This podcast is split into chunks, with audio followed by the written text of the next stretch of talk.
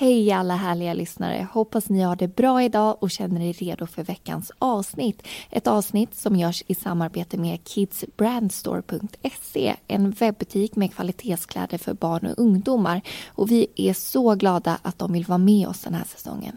Och de har en tävling också som ni som lyssnare kan vara med i och få chansen att vinna 3000 kronor att handla för hos dem. Och jag har själv varit inne på hemsidan ett par gånger och jag har bland annat kikat på kepsar från märket Fred Perry. Och jag har inte riktigt valt vilken färg jag vill ha ännu men jag tycker de är så himla snygga och jag tycker de är stilrena. Det är bara ett litet, litet märke på dem. Och om några veckor så ska jag nämligen iväg till USA och jag är så himla ljuskänslig. Mina ögon bara tåras när solen är sådär jättestark så en keps behövs verkligen. Tyvärr har jag själv ingen USA-resa att se fram emot, även om jag såklart önskar det. Och kanske inte du som lyssnar heller. Men om du inte är i behov av en keps så kanske det är någonting annat vårfint som lockar lite extra. Och i så fall får du inte missa chansen att vara med i tävlingen. Och det du behöver göra för att delta det är att posta en Instagram-bild med hashtaggen brandmeup18 och motivera varför just du ska vinna. Tack igen Kids Brand Store för att ni är med oss även den här veckan. Men nu drar vi igång avsnittet.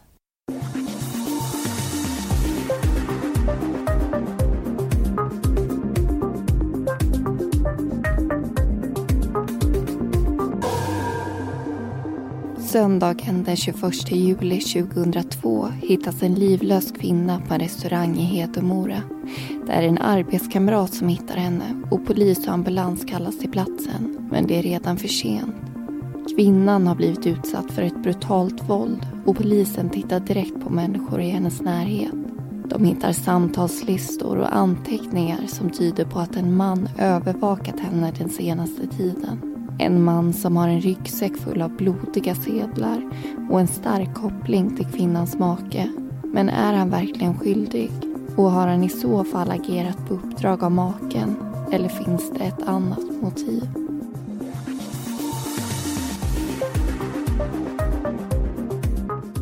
Du lyssnar på Mordpodden och i säsong 6 tar vi upp fall från Dalarna i veckans avsnitt ska du föra berättelsen om Heden.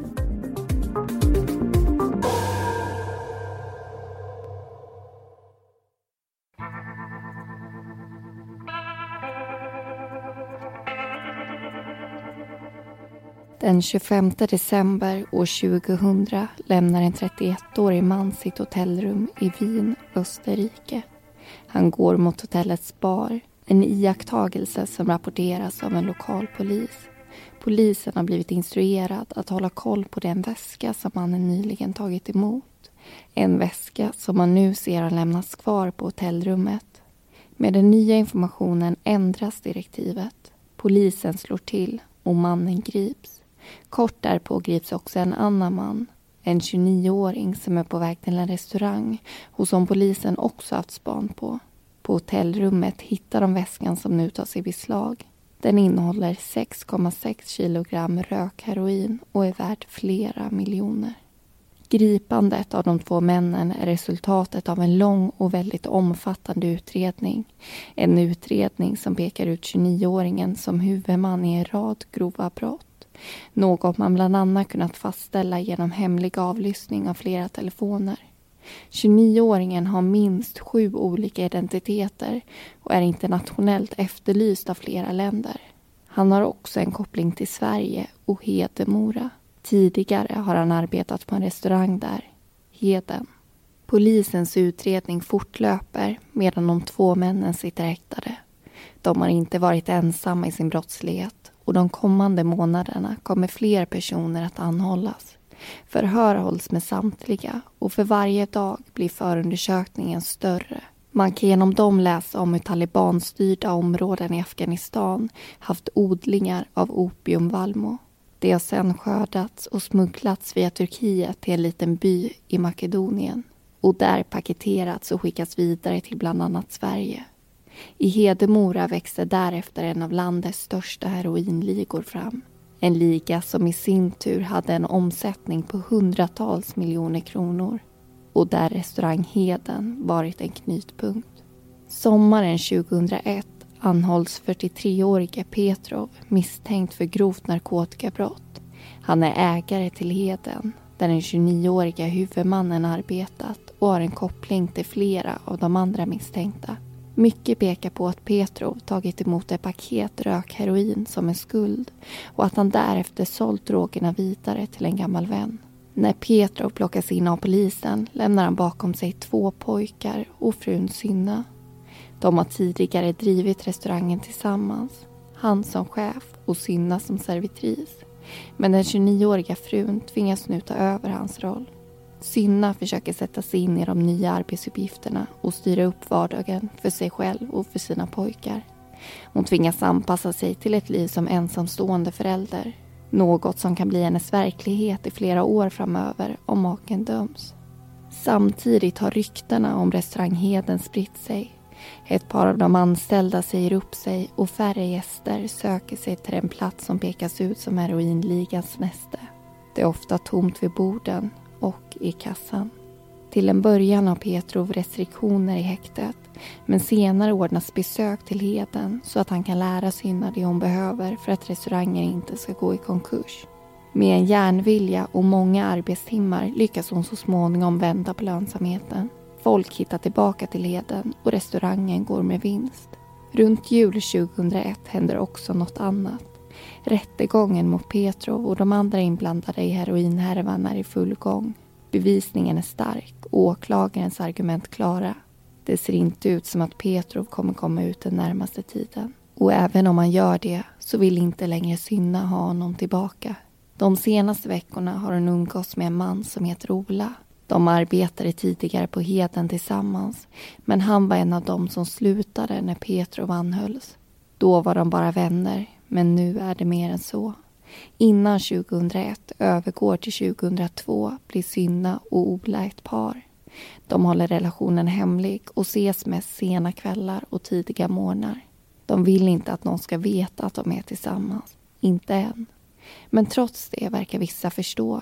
Kanske är det den där nykära lyckan de inte kan hålla inombords. Eller så ser någon dem tillsammans och drar en slutsats. Oavsett vad som är fallet börjar Synna känna sig förföljd. Makens systerson håller konstant ett vakande öga på henne. Och ibland när hon går hem från jobbet går han efter.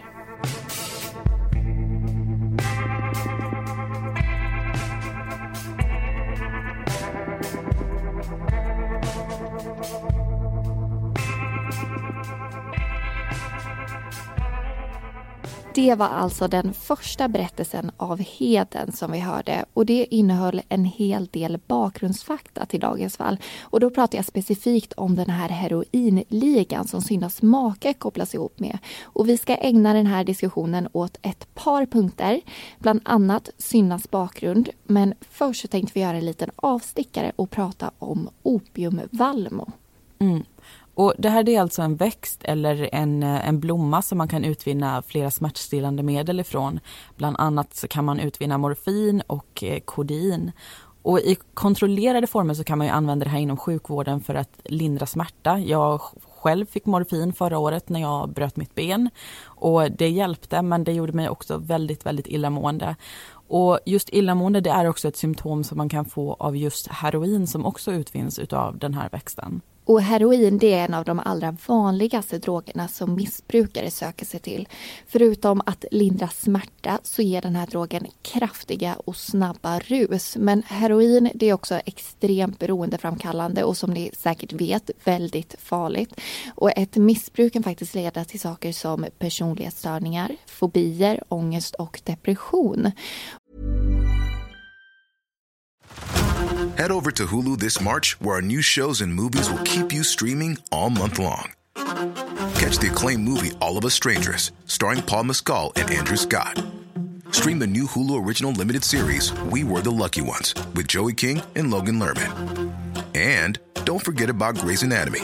Every Grey's episode ever is now streaming on Hulu. So, what are you waiting for? Go stream something new on Hulu. Say hello to a new era of mental health care. Cerebral is here to help you achieve your mental wellness goals with professional therapy and medication management support. 100% online. You'll experience the all new Cerebral Way, an innovative approach to mental wellness designed around you. You'll get a personalized treatment plan from a therapist, prescriber, or both in a safe and judgment free space. Your Cerebral therapist or prescriber will outline a customized plan with clear milestones along the way so you can get to feeling your best. With Cerebral, you're not alone in your mental health journey. We're here to empower you to live a fulfilling life. So take that first step towards a brighter future and sign up today at cerebral.com slash podcast and use code ACasts to get 15% off your first month. Offer only valid on monthly plans. Other exclusions may apply. Offer ends July 31st, 2024. See site for details. Och som vi var inne på i berättelsen så finns den här drogen i olika former. Mm. Dels så kan man ju utvinna heroin som ett pulver, nästan ett mjölliknande pulver. Och det kallas alltså för vitt heroin och jag skulle väl kalla det här för den vanliga sorten eller i alla fall den sorten som man ofta har hört talas om eller sett på tv och så vidare. Men det finns ju också någonting som heter brunt heroin och som kallas för rökheroin. Och då är det ofta fråga utav små, små stenar som man alltså röker i en pipa eller som man rullar ihop som en cigarett. Och den här informationen den är hämtad från beroendecentrum.se men vi har också gått igenom en artikel som SVT har skrivit i slutet av förra året. I den här artikeln så tar man upp Afghanistans roll i opiumhandeln och jag tänkte att vi går igenom den lite snabbt för det här är riktigt intressanta grejer. Och I den här artikeln så tar ju SVT upp en eh, forskningsrapport som visar på att 24 utav Afghanistans 34 provinser odlar just opium.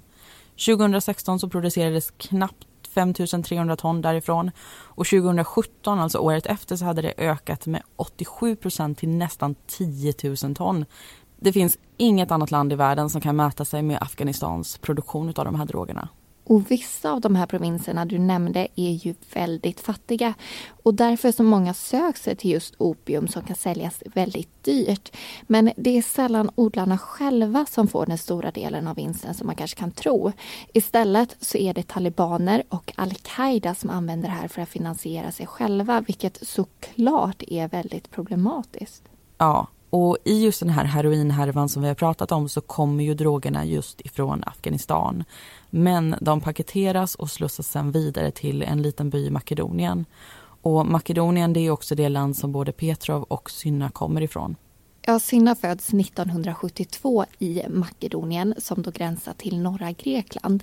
Där växer hon upp, men när hon är 16 år så kommer hon till Sverige. Hon flyttar direkt till Hedemora och där bor hon tillsammans med Petrov som alltså är hennes make. Och Petrov han är ungefär 30 år så det är alltså en ganska stor åldersskillnad mellan dem. Och de får två stycken pojkar tillsammans och när det här avsnittet utspelar sig så är sönerna en bit över 10 år.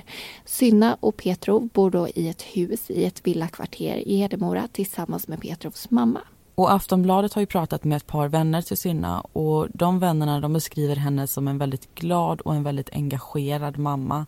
De säger att hon ställde alltid upp för sina pojkar och hon hjälpte till så fort någon behövde det. Och ett par år innan de här händelserna så kommer maken Petrovs systerson till Sverige och till Hedemora. Och han får då flytta in hos dem, han får umgås med barnen som alltså är hans kusiner och han får umgås med Petrovs mamma som är hans mormor. Och den här systersonen heter eh, Karanos. Precis, och han börjar ganska snart att arbeta på Heden som allt i allo kan man säga. Han arbetar sju dagar i veckan och får betalt i mat och husrum. Och trots att hans turistvisum går ut så stannar Karanos kvar. Sommaren 2001 så flyttar han till en egen lägenhet i stan som hans morbror Petrov betalar för. Och mer än så ska vi faktiskt inte avslöja utan jag tycker att vi strax låter berättelsen ta vid och att vi då lyssnar till hur det nya året börjar.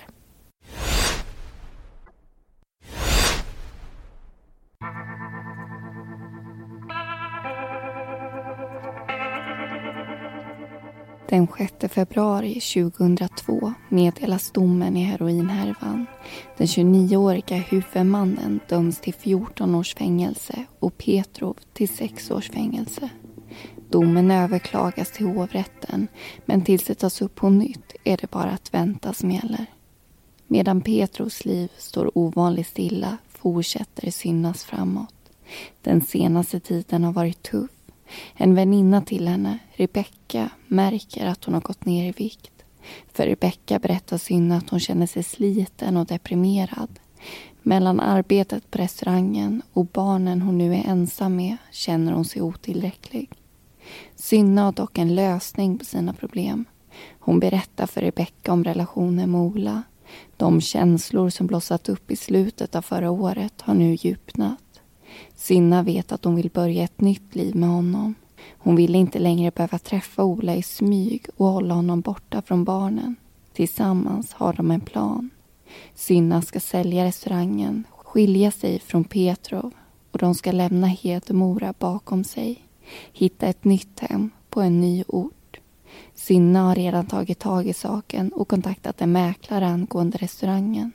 Men hon är orolig för hur Petrov ska reagera när han får reda på det. Hon har en känsla av att maken inte kommer ge henne en skilsmässa och att hon i slutändan kommer tvingas stanna med honom. Synna berättar också för Rebecka om de vakande ögonen, om makens systerson Karanos. Hur han vid ett tillfälle tagit Synnas mobiltelefon och läst igenom hennes sms. Hur han sen diskuterat innehållet i dem med Petrov. Karanos har dessutom velat veta mer om Ola och var Synna befinner sig när hon inte är hemma eller på restaurangen. Vid ett par tillfällen har han följt efter henne Synna har sagt åt honom att sluta lägga sig i, men Karanos har inte lyssnat. Antingen vet han om hennes och Olas relation eller så misstänker han den. Men det är tydligt att han inte gillar tanken. En kväll befinner sig Ola på Heden. Restaurangen har stängt, men puben har fortfarande öppet. Han går ner till källarvåningen där puben och toaletterna är belägna. Karanos kommer då fram till honom och frågar vad han gör där. Ola svarar avfärdande. Han väntar på skjuts av Synna, men det har inte Karanos med att göra. När Ola är på väg därifrån får han ett slag i nacken. När han vänder sig om ser han att Karanos håller i en stor träpåk. En annan av de anställda, Ako, går emellan och Karanos drar iväg mot köket. Ett tumult utbryter där mellan honom och Synna. När han kommer tillbaka ut igen har han en kniv med sig. Ako säger åt Ola att gå hem och situationen avstyrs. Den 5 juli 2002 fastställer hovrätten Petrovs dom. Han ska avtjäna sina sex år i fängelse såvida Högsta domstolen inte tar ett annat beslut. Ännu en gång gäller det bara att ta det lugnt och vänta. I en period så blir det också lugnare mellan Karanos och Synna. Den 23-åriga killen har vid tillfälle träffat en tjej från Vikmanshyttan och verkar inte längre lika intresserad av Synna och hennes liv. Men under sommaren börjar det igen. De konstanta frågorna, övervakandet och förföljandet. Och den här gången är det värre. Lördagen den 20 juli arbetar Karanos på Heden. Först har han ett pass mitt på dagen Sen går han hem och vilar för att vara tillbaka igen klockan nio på kvällen. På det övre planet i Heden finns restaurangen och en del av puben. Resten av puben är en trappa ner. Där arbetar Karanos under kvällen. Även Synna och Ako är på plats tillsammans med kocken Göran. Det är en ovanligt lugn lördagskväll och först runt halv elva ramlar in några gäster i puben. En av dem spelar på deras spelmaskiner och vinner 100 kronor. En annan gäst kastar glas och blir utslängd av Synna. Karanos lägger märke till att hon pratar mycket i telefon den kvällen. Mellan 10 och 11 pratar hon med Ola. Hon säger då att hon snart ska stänga restaurangen och Ola får intrycket av att allt är normalt. De har planer att ses under söndagen. Vid elva går kocken Göran hem och en timme senare stänger Synna restaurangen. Ako lånar ett par nycklar av Karanos och låser dörren mellan restaurangen och bakgården. Han lämnar tillbaka nycklarna och går sedan hem för kvällen. Puben är öppen till klockan ett på natten och de sista gästerna går därifrån en kvart efter stängning. När gästerna försvunnit börjar Karanos plocka undan. Han sopar ihop glaskärvorna och diskar två backar med använda glas. När han hänger av sig de vita jobbbyxorna och lämnar Heden håller Synna på att räkna ihop pubkassan. Dörren till bakgården går automatiskt i lås efter honom och Karanos går hemåt. Say hello to a new era of mental health care. Cerebral is here to help you achieve your mental wellness goals with professional therapy and medication management support. 100% online. You'll experience the all new Cerebral Way, an innovative approach to mental wellness designed around you. You'll get a personalized treatment plan from a therapist, prescriber, or both in a safe and judgment free space. Your cerebral therapist or prescriber will outline a customized plan with clear milestones along the way so you can get to feeling your best. With Cerebral, you're not alone in your mental health journey. We're here to empower you to live a fulfilling life. So take that first step towards a brighter future and sign up today at cerebral.com slash podcast and use code ACasts to get 15% off your first month. Offer only valid on monthly plans. Other exclusions may apply. Offer ends July 31st, 2024. See site for details. Hey, I'm Ryan Reynolds. Recently, I asked Mint Mobile's legal team if big wireless companies are allowed to raise prices due to inflation. They said yes. And then when I asked if raising prices technically violates those onerous two year contracts, they said, What the f are you talking about, you insane Hollywood ass?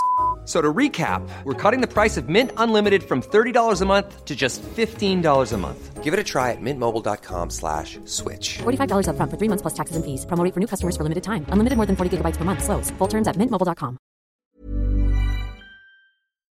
När han kommer in i lägenheten ligger flickvännen och sover i sängen. Han kryper ner bredvid henne och tittar på tv en stund innan han somnar. Vid tretiden går han upp för att kissa och råkar väcka flickvännen. Efteråt somnar de båda om igen. Under söndagsförmiddagen går Ako till Heden för att hämta sin cykel. När han kommer dit ser han att Synnas bil står parkerad på sin vanliga plats och blir förvånad. Hon brukar inte vara där så tidigt. Han bestämmer sig för att undersöka saken och kliver in i restaurangen genom den olåsta bakdörren. På övervåningen är det tomt. Ingen Synna. Men när han råkar titta ner mot puben ser han plötsligt en kropp. Syndas kropp. Han tar ett par trevande steg nerför trappan. Sen stannar han. Kroppen ligger i en pöl av blod och Ako vänder på klacken och går ut igen. Han vet inte vad han ska göra men bestämmer sig till slut för att gå hem till Karanos. Därifrån ringer han 112. Sen går de båda männen tillsammans till Heden för att möta upp polis och ambulans. Ambulansen anländer först och Ako och Karanos visar var Kynna ligger. De går alla ner för trappan och ställer sig vid kroppen. Man konstaterar snabbt att hon är död och går upp igen. Karanos säger då till Ako att Synnas väska verkar vara försvunnen. Polisen spärrar av Heden och inväntar därefter läkare och kriminaltekniker. De förhör personalen och runt klockan fem på eftermiddagen kan brottsplatsundersökningen dra igång. På övervåningen råder det god ordning. Det är snyggt städat och undanplockat i både restaurangen och i köket. Det finns inte heller några brytskador på dörrarna in i lokalen. Mellan baren och köket finns en städskrubb. I den hittar teknikerna en plastpåse med ett par vinylhandskar i. Fyndet tas i beslag tillsammans med ett par avbrända tändstickor. De går ner till pubens lägre del. Synna ligger precis nedanför trappan. Hon ligger på mage och är fullt påklädd men saknar sina skor. De ligger en bit därifrån. Längs vänstra delen av rummet löper en bardisk och i bortre delen av lokalen finns en dörr som går till ett ventilationsutrymme. På golvet finner teknikerna ett par bloddroppar och ett avtryck från en sko. Till vänster, om kroppens högra ben, finns ytterligare ett blodigt skoavtryck. Innanför bardisken vid ett tvättställ återfinns mer blod. Dels på vattenkranen, men också små besudlingar på bänken bredvid. Som om någon tvättat bort blod därifrån. Kassan i både restaurangen och puben är tomma på sedlar och innehåller bara mynt. Senare samma dag, när poliserna går igenom de uppgifter de fått vid förhör inser de att Karanos uppgett ett felaktigt personnummer. De åker ut till Vikmanshyttan där han befinner sig och konfronterar honom. Samtalet pågår till strax efter midnatt och slutar med att Karanos anhålls. Han körs till polisstationen i Hedemora och hans ryggsäck tas i beslag. En rättsläkare kallas in för att göra en undersökning av 23-åringen. Genom den finner man ett par intressanta skador. På Karanos hals löper ett 10 centimeter långt märke och han har sår runt munnen. Karanos förklarar det som munsår och en rispa från rakning. Men rättsläkaren menar att märket på halsen mycket troligare kommit från en nagelskrapning. Karanos har också ett sår i handen vid tummen. Han berättar att han skurit sig på glas under lördagen men det tycks som en alltför läglig förklaring. I ryggsäcken gör man fler intressanta fynd. I ett litet sidofack ligger det värdebevis och kvitton från Hedens spelautomater. Man hittar också lite mer än 12 000 kronor i kontanter och vissa sedlar är blodiga.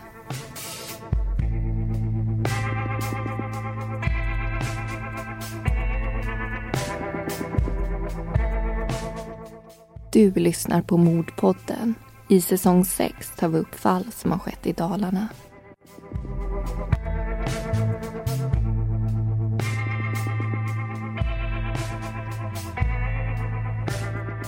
Välkommen tillbaka in i studion. Karanos har ju precis blivit anhållen och vi ska börja med att försöka reda ut varför han blir det. Ja, och försöka är verkligen rätt ord för det framgår faktiskt inte i den här domen varför man plockade in honom. Men eh, vi har ju gått igenom det och vi vet ju att det kan bero på flera saker. Dels det här att han ljuger för polisen och uppger ett falskt personnummer. Men det kan ju också bero på att han är i landet illegalt. Ja, och det kan också ha varit så att man har pratat med hans flickvän. Men det vet vi egentligen inte om de har gjort för den här tidpunkten eller inte. Men hon hade i så fall kunnat berätta att hon vaknade runt klockan tre under lördagsnatten när hon hörde Karanos. Och han har berättat att han var hemma senast halv två men gick på toaletten runt tre-tiden. Så det finns ju ett par timmar där när han saknar alibi och egentligen skulle kunna befunnit sig någon helt annanstans. Ja, och efter att Karanos grips så gör man ju en husrannsakan i hans lägenhet i Hedemora. Och där hittar man ett antal intressanta anteckningar som han har gjort. De här anteckningarna är skrivna på makedonska men när man översätter dem så kan man bland annat läsa om tider och platser då Synna träffar Ola. Den 8 i 12 var hon med honom från klockan tre och kom inte hem förrän klockan fem, står det på en anteckning. I en annan så står det den 9 i 12 var hon med honom i Falun från halv sex och kom inte tillbaka förrän klockan nio. Och så här fortsätter de här anteckningarna och jag tycker det är väldigt tydligt att det är en kartläggning som han har gjort. Och Karnos berättar att det är han som har skrivit de här anteckningarna. Men när man frågar varför, för det är faktiskt det som är det intressanta här, så menar han att det är för att reda ut sina egna tankar och få ner dem på papper. Men en väldigt intressant sak som inte kan förklaras med det, det är hur många av de här anteckningarna som börjar med orden Hej morbror. Det syftar ju på att han tänkt skicka det här till Petrov. Men om det är för att Petrov själv då har begärt att få den här uppdateringen eller om han helt enkelt gör det av egen fri vilja, det vet vi inte. Nej, precis. Men det vi däremot vet är att en av de här anteckningarna låter som följer. Hej morbror. Nu tänker jag skriva till dig och berätta vad som händer här medan du är borta. Nämligen att moster har en annan. Och det här fortsätter sen med beskrivningar kring Ola och sen slutar det med att Karanos skriver att han konfronterat Synna med den här informationen och att hon då har sagt åt honom att han var svartsjuk. Och i nästa anteckning verkar det ha eskalerat. Då skriver Karanos så här. Hej morbror, jag skriver det här med gråten i halsen. För varför gör moster så här när inte du är här? Att hon är med andra?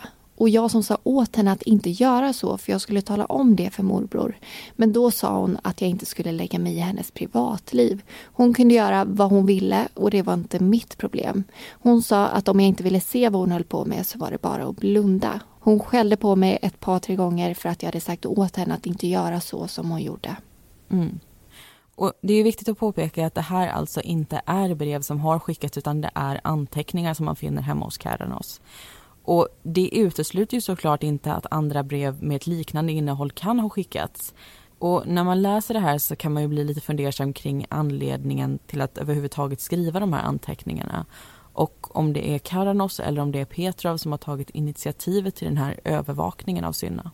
Ja, och då kommer en ganska naturlig fråga upp i huvudet. Om Petrov beställt den här typen av övervakning, finns det då också en möjlighet att han har beställt det här mordet på Synna? Mm. Men vi ska inte dra några slutsatser kring det, utan istället ska vi ta upp flera utlåtanden kring de här två personerna. Vi ska nämligen berätta vad arbetskamrater, vänner och andra personer visste om Petrov och Karanos. Mm. Och Synna hon pratar med bland annat två stycken väninnor om allt det här som händer. Rebecka som vi fick höra talas om i förra berättelsen men också en vän som heter Cornelia. Och när polisen pratar med de här kvinnorna så uppger de lite olika saker. Cornelia hon berättar om en händelse då hon kom förbi Heden och Synna var väldigt orolig. För Ola han hade nämligen fått motta flera hot ifrån maken Petrov. Och Petrov hade då sagt saker som du rör henne inte. Och det här kan också Ola själv intyga om man läser igenom hans förhör. Han berättar till exempelvis om ett samtal då Petra har sagt åt honom att han skulle hamna i rullstol om han inte slutade träffa Synna. Och det här innebär faktiskt någonting ganska viktigt, nämligen att Petrov visste om deras relation. Och det bekräftar också Rebecka. Hon säger att Karanos berättar det här för Petrov i januari. Men det nekar Karanos själv till. Han säger att han inte alls visste om den här relationen. Men de flesta som arbetar på Heden säger att det var ett välkänt rykte. Och Rebecka säger ju faktiskt också att Petrov han har hotat Synna och sagt att hon inte ska få träffa sina barn om hon lämnar honom.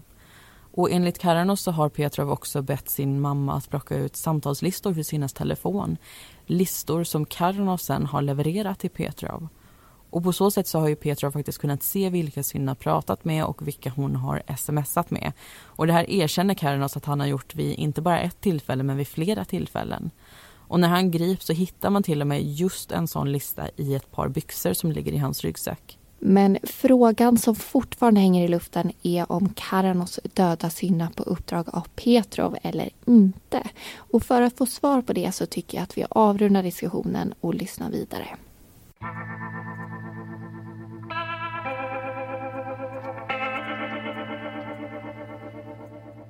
Efter att Karanos anhållits fortsätter polisen sin utredning.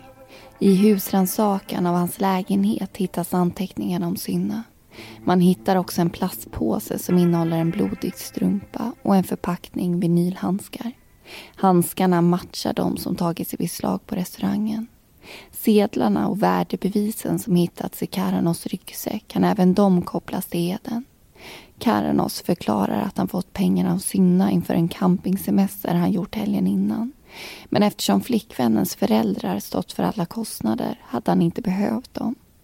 Blodet på ett par av sedlarna och strumpan förklarar han med såret på sin tumme. Men det finns ett kvitto bland pengarna som motbevisar Karanos utsaga. Kvittot är nämligen utskrivet samma kväll som Synna dör och visar på den 100 kronors vinst en av gästerna gjort. Pengarna måste därför ha tagits från restaurangen tidigast under lördagskvällen. Värdebevisen som ligger blandade med sedlarna vittnar om en annan sak. De kommer från två olika spelautomater och Synna var den enda som hade nyckeln till en av dem. Både nycklarna och Synnas handväska är nu försvunna. Under onsdagen är kriminalteknikerna tillbaka på Heden. Det är ett omfattande arbete som hela tiden måste kompletteras när nya uppgifter framkommer i förhör. De har bland annat kollat på den back med krossat glas som finns belägen under bardisken. Enligt Karanos var det på en av de skärvorna han skar sig i tummen. Men det finns inget blod på glasen som kan bevisa det. Däremot kan man konstatera att ett par av de bloddroppar som hittas på heden kommer från just Karanos. På bänken bredvid tvättstället är det hans blod som nästan tvättats bort. Men droppen på vattenkranen kommer från Synna. De blodiga skoavtrycken runt hennes kropp analyseras och kan snart kopplas samman med ett par gympaskor som Karanos äger. Skorna finns redan i beslag, men man hittar inget blod på dem. De är rena och man misstänker att han tvättat dem. De kan heller inte ha tillkommit då Karanos var nere i lokalen med ambulanspersonalen. Flera avtryck leder bort mot bardisken men ett av dem ligger gömt under Synnas byxben. Inne i ventilationsrummet finner också teknikerna något de missat förra gången. Bakom en diskbänk och en lös innerdörr hittar de en garderob. Det är som att någon velat dölja den och snart förstår de varför. Inne i garderoben ligger en blodig träpåk. Ena änden är kraftigt nedblodad och det sitter där ett par lösa hårstrån. Håret och blodet kommer från Synna men det finns också blod från Karanos på påken. Allt pekar mot 23-åringen som gärningsman. Bevisningen är stark och det är tydligt att han haft tillfälle. Karanos är den sista som sett Synne i livet. Han har tidigare attackerat hennes pojkvän med en träpåk och hans blod finns blandat med Synnas på flera platser i puben. Genom att genomföra en rättsmedicinsk undersökning av Synnas kropp får man också reda på hur Karanos förmodligen gått tillväga. En av de första skadorna Synna får är ett sår och en svullnad i pannan. Troligtvis kommer det från ett slag med träpåken. Man finner också skador på hennes ena armbåge och underarm. Tecken på att hon försökt skydda sig mot våldet. Men trots försöken står hon på knä eller framåtböjd när Karanos attackerar henne igen. Den här gången riktas det trubbiga våldet mot hennes nacke och han verkar också trampa på hennes hand. Sinna ligger därefter på mage och Karanos byter vapen. Hennes huvud lyfts upp och bakåt och han skär henne i halsen med kniv. Han fortsätter att attackera henne med kniven men den dödliga skadan är redan skedd och Sinna förblöder till döds. Eftersom det ena mordvapnet redan hittats fokuserar teknikerna på att söka efter en kniv som används. De går igenom samtliga knivar i restaurangens kök. Kanske har han använt någon av dem, rengjort den och sen lagt tillbaka den. Men de hittar inga spår efter blod. Man letar också utanför restaurangen och längs de gator som leder till Karanos bostad. Men trots att man söker metodiskt så hittar man varken kniven eller Synnas väska. Det blir två hål i utredningen som inte kommer få några vettiga svar. En annan sak man fortfarande försöker reda ut är motivet bakom mordet.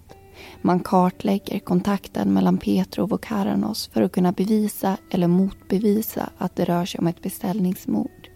Vissa anteckningar som funnits i Karanos bostad vittnar visserligen om att Petrov hade insikt i systersonens bevakning och ett stort intresse för att veta vad hans fru hade för planer. Maken visste om att hon ville skilja sig och sälja restaurangen. Börja ett nytt liv med en ny man och lämna honom bakom sig. Att han hade starka känslor kring det hela tvivlar man inte på. Men att han beställt mordet på sin fru är inte lika självklart. Det finns helt enkelt inte tillräckligt som stödjer den teorin. En annan teori är att Petrovs känslor gick ut över Karanos. Att det hela började som ett övervakningsuppdrag men att 23-åringen snappade upp hur morbrodern kände och började hysa ett liknande förakt mot Sinna. Ett förakt som sen bara växte. Eller så var det hela tiden Karanos själv som tyckte att Synna vanärade hans familj och bestämde sig för att göra något åt det.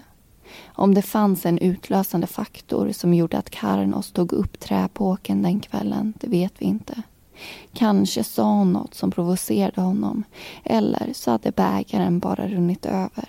Oavsett vad som var fallet svarade Karnos med ett besinningslöst övervåld och avrättade en mamma och en fin vän. Synna begravs i Makedonien och ungefär en månad efter hennes död kommer det slutgiltiga svaret i heroinhärvan. Högsta domstolen kommer inte att pröva fallet och påföljderna står fast.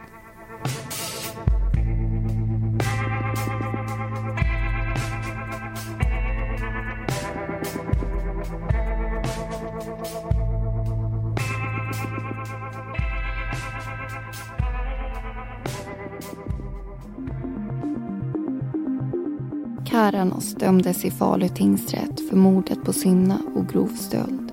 Påföljden blev lagens strängaste straff, livstidsfängelse och utvisning. Domen överklagades i hovrätten som fastställde straffet. Tack för att du lyssnat på avsnittet Heden. Alla personer heter egentligen något annat och informationen är hämtad ifrån domarna i både heroinhärvan och mordfallet samt förundersökningsprotokollet för mordet. Nästa vecka tar vi upp internetmordet.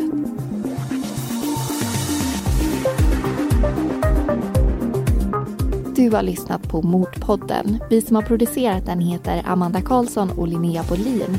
Bakgrundsmusiken var bland annat Soaring av Kevin MacLeod och Deep Space av Audionautics.